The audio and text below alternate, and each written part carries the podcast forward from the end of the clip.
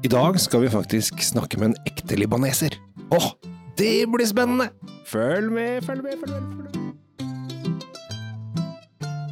Hei og hjertelig velkommen til eh, nok en episode av eh, Kjell Svinkjeller og Tom Amrati Løvaas sin Drinkfeed. Og i dag, Tom, så har vi gjest. Det har vi, og jeg må aller først få lov å skyte inn at dette er veldig moro for meg. Det hender jo vi snakker om Altså, vi skal til Libanon. Ja. Vi skal på tur selv om jeg er hjemme i Norge. Ja. Så, sånn er det jo ofte.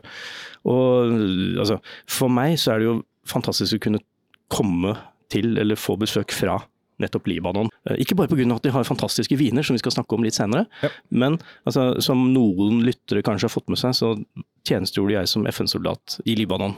Og han vi skal snakke med om et lite øyeblikk, han vokste jo opp under denne perioden. Mm. Altså, han er mye yngre enn oss, meg, men, men han husker jo denne tiden, denne borgerkrigen i, i Libanon, veldig Han ble født, uh, Han ble født midt, ja. midt oppi Og min uh, hovedfagoppgave når jeg tok bachelor i historie, var akkurat den eh, krigen da han ble født.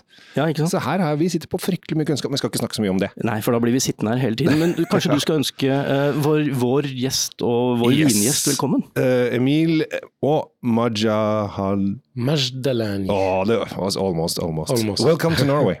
Thank you, thank you. Uh, it's uh, really cool to have you here, and uh, you of course brought your uh, Lebanese wine. Yes, Why do you think? I did. Why do you think Lebanese wine are so popular in Norway? I believe. First of all, thank you very much for giving me the opportunity to to present uh, not only uh, Kefraya wines but Lebanon in general. Uh, I must say that um, we, we praise a lot actually this uh, Norwegian market for many reasons. And um, one main reason, because we export into 50 countries, and uh, it is not always the case. But in that case, I believe there is a human, a human reason to my presence here. First of all, um, um, as you know, we have met a lot of Norwegians in uh, in our country over the years, because um, there were a lot of uh, Norwegian soldiers securing the the southern border of Lebanon, and uh, for this reason, I believe that Lebanon and Norway have created human ties, and this is the source of every uh, success story for me. When I think when people in general in Norway think about Lebanon, they don't think about wine because they think it's dry. Indeed. But when you come up over the mountain, up Mount Anti Lebanon, not the highest mountain, but uh, when you come up into the Bekaa Valley, it's not dry at all. It's green. You're absolutely right. Some people have this idea that uh, it's a hot country and that the wines will be very powerful and tannic. But what I do is that I, I show them a picture of Kefraya and they are astonished to see the amount of snow that we have in Kefraya. We have one meter of snow every year. Oh, And because of that, we have um, we can have the right acidity to make uh, wines that are, are fresh actually and not too tannic as they think uh, in, at the beginning. So um, it's not Kefraya is not a Mediterranean region. Lebanon is a Mediterranean country, but Kefraya has a continental climate, a microclimate. How would that uh, express itself in your wines? as I told you, in the in the level of freshness, uh, a lot of people are astonished to see that we also produce white and rosé wines that are very fresh, and uh, this we owe it directly to the microclimate that we have that is very very uh, advantageous, you know, for the wines. We, we had a, we had a talk before we we started to to to make this episode, and uh, I asked you what uh, other companies, other winemakers in Lebanon had uh, to. um to help, uh, did they help you uh, on the way? I was, I'm thinking about especially Chateau Musar and and what they uh, did for the Lebanese wine. It is indeed uh, impossible for me to hold such a podcast without talking about Chateau Musar. That was really uh, the winery that opened the door to the other actors and that allowed such a success to happen. Um, the philosophy of Chateau Musar was like uh, no one is a prophet in his own country. And what they did is absolutely amazing because they they made Lebanese wine famous. And today, with a different style, with a different winemaking approach, we are following the steps and we are creating a place for Kefraya in Norway. Yes, because you also did your own path, and with the with the famous Parker score of 91 points, you, you, you sort of turned the table. Indeed. One day we got this uh, 91 over 100 uh, rated by Robert Parker Jr. himself. And this was at that point that the world started getting more and more interested into Lebanese wines. We know the influence of Parker. Uh, it is absolutely international. And uh, it was indeed a pride for us, and it, it opened us the door of, of the export and of other countries. Yes, You have a, a problem in Lebanon now about the uh, economics because the Lebanon um currency is not the best at the time. And uh, Beirut was had had a big bomb, so the harbor went away. How are you coping in all these uh, problems? uh, I'm, I'm used to say sometimes that it is the standard in Lebanon. We are born in difficulty, and we we certainly have this spirit that allows us to always rebuild and rebuild and never give up. Um, I I was born during the Civil War. Chateau Kefraya was born during the Civil War. First bottle in 1979. The war had already started four years before. Then we had an occupation from a foreign country. Then we had indeed this blast of the port that already that as well destroyed uh, a part of the of the of the city and of the nightlife. And today our currency is gone. It's gone. Like 99% of the currency is gone. But still, You produce we are wine. there. We produce yeah. wine. We focus more and more on wine because it's a matter of survival. We uh, we are passionate about wine before anything, and whatever the the situation is, and we still live thanks to the export. The, this is. Uh, um, this is tra- traditional in Lebanon since the Phoenicians, you know, like 4,000 years ago. Some people were doing the job that I do. I'm doing today. So I'm uh, I'm um, I'm I try to be a Phoenician and I try to spread the culture of wine around the Mediterranean, but not only around the Mediterranean, all over the world, in 50 countries, in Asia, in Africa, in South America, in Europe, of course. And uh, yeah, this is actually uh, what uh, allows Lebanon to resist But how how much wine do you produce? We have uh, we have plenty of different wines, not because we want to have plenty of different wines, but because the terroir dictates uh, and allows this diversity. What you need to know about Kefraya is that it is uh, situated in the West Bekaa, and that just under Kefraya there is a tectonic uh, fault, the Yamunis tectonic fault, that has left. Um, a, huge variety of different terroirs. We have terroirs uh, dated from the Jurassic, uh, from the Cretaceous, and uh, we have um, an astonishing variety of different terroirs. And for us to launch a new wine, you need to have a new expression. And every wine at Kefraya expresses a certain quality of soil and not only a blend. We uh, have uh, one of your wines here today. This is Les Bretèches, yes. This is Les Bretèches. Yeah. and we uh, it's it's quite popular. It's in uh, a lot of uh, monopoly stores, and uh, and uh, this is a typical uh, Norwegian barbecue wine, isn't it? it is, we, yes. we should start drinking, uh, Tom. yeah, Yeah, very, very yes, I- I- barbecue We, indeed. we're talking too much. We drink I'm, more. I'm, I'm just sitting and listening and waiting for a for a, a gap in the in. Oh, and it's in- hard to get in here when you're. I uh, can't, but yeah. we, we have to taste this. And the first thing that uh, that reaches me is that uh, you have a very close closeness to France, to to the French style. That's the first thing I, am thinking about. And uh, n- not only the style, but even the even the name of the wine is is French, right? I will tell you, uh, uh, of course, we were under the French mandate until uh, 1943. So the influence of France in Lebanon is uh, absolutely real. Uh, you can hear that in my accent, I think. And um, uh, Michel de Bustros, who was the owner and who was the pioneer in Kefraya, um, adopted the French rigor. He, his purpose was to produce wines that would express the Lebanese terroir and be unique, but with rules that would be reflected by the French rigor. So what he did is that in a country where there, there were no rules, you know, for the wine, he created his own appellation d'origine contrôlée. He wrote it and he kept on following that uh, philosophy. What can you tell us about this particular wine? What are we smelling? What do we what do we want to smell in here? Well, um, Le is very typical of Lebanon in the sense that it contains some uh, some Cinsault, the Cinsault is a grape variety that has been planted in Lebanon for now more than 150 years.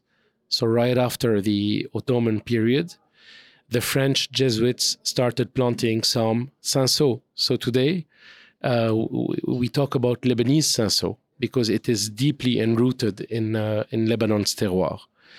Um, and uh, in this wine, you have seven different varieties showing the diversity of the terroir.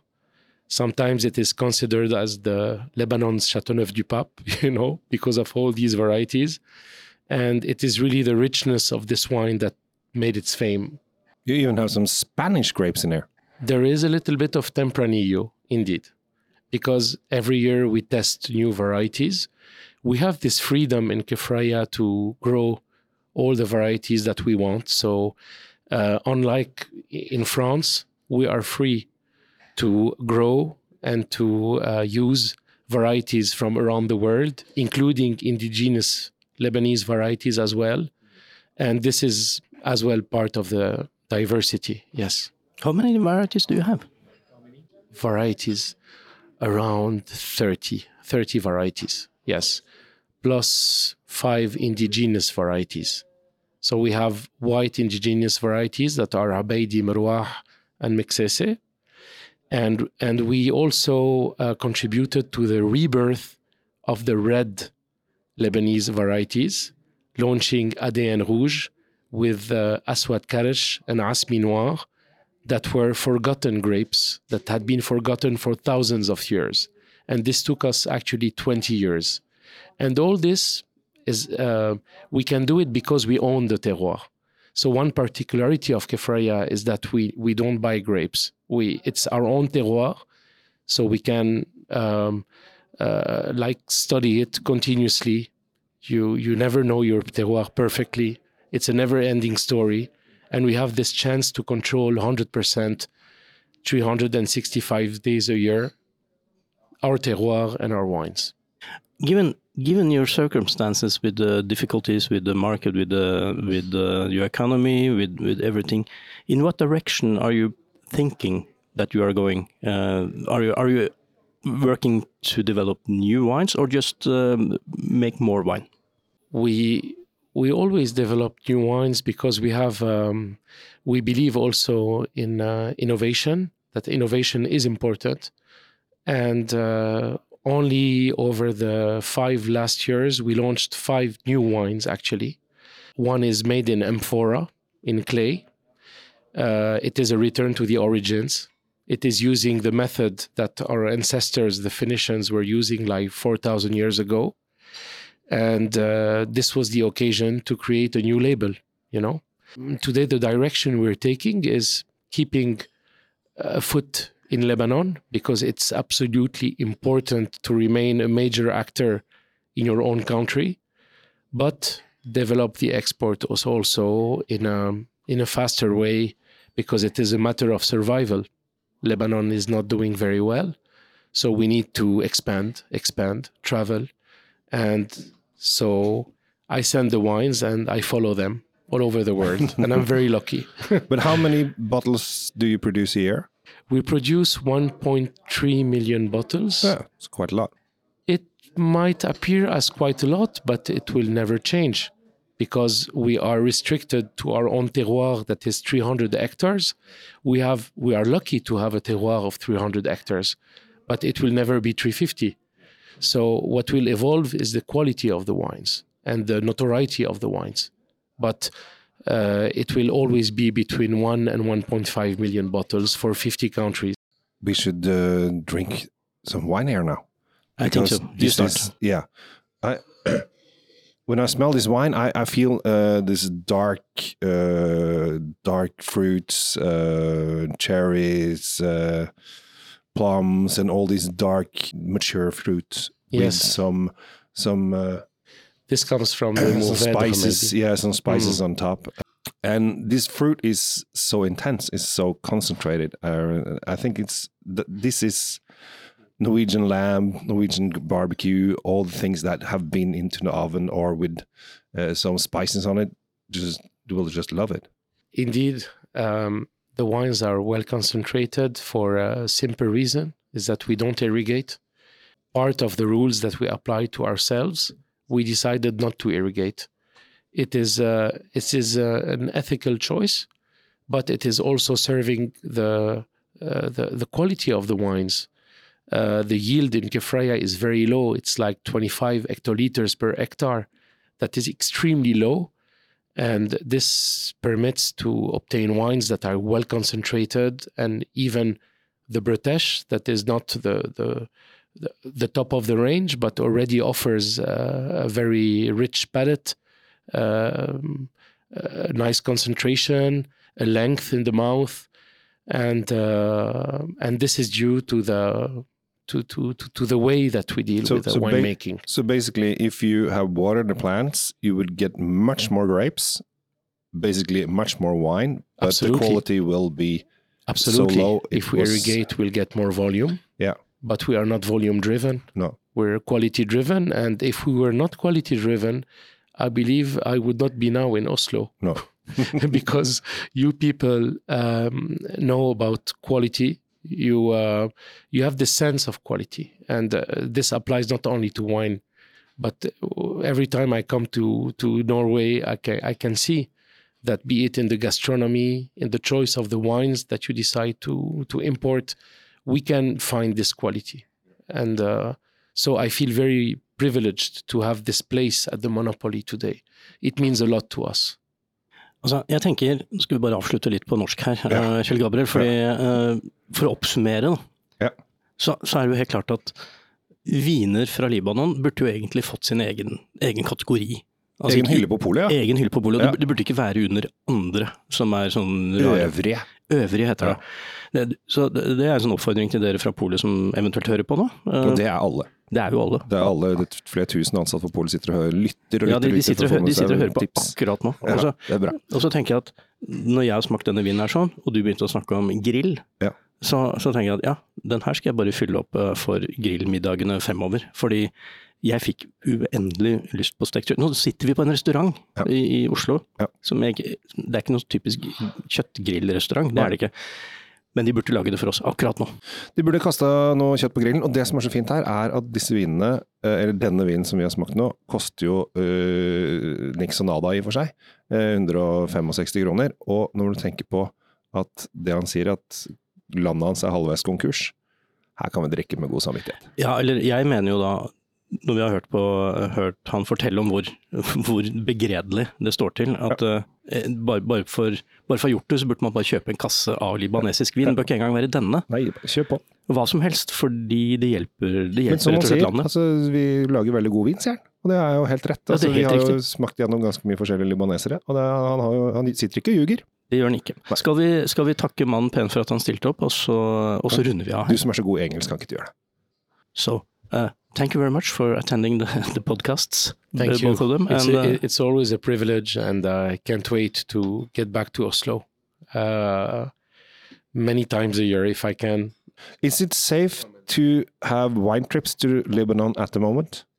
I tend to think that there is no uh, really safe place in the world, actually. And uh, I would like to reassure the people who think about visiting Lebanon that it is not that dangerous. Well, there is a level of, there is a probability, there is a risk everywhere uh, in current times, unfortunately. Um, so uh, we have actually we have a lot of tourists that come and visit the domain and uh, um, it is not too crowded lately because of the si- situation but uh, it is a must see and uh, it's a privilege for me to to like welcome all these tourists even in hard times Vin fra Libanon, 165 eh, kroner. bretches, Eh, verdt hver eneste grillmåltid. Ja, og kjøp gjerne en kasse når du først er i gang. Klin til. Takk for nå.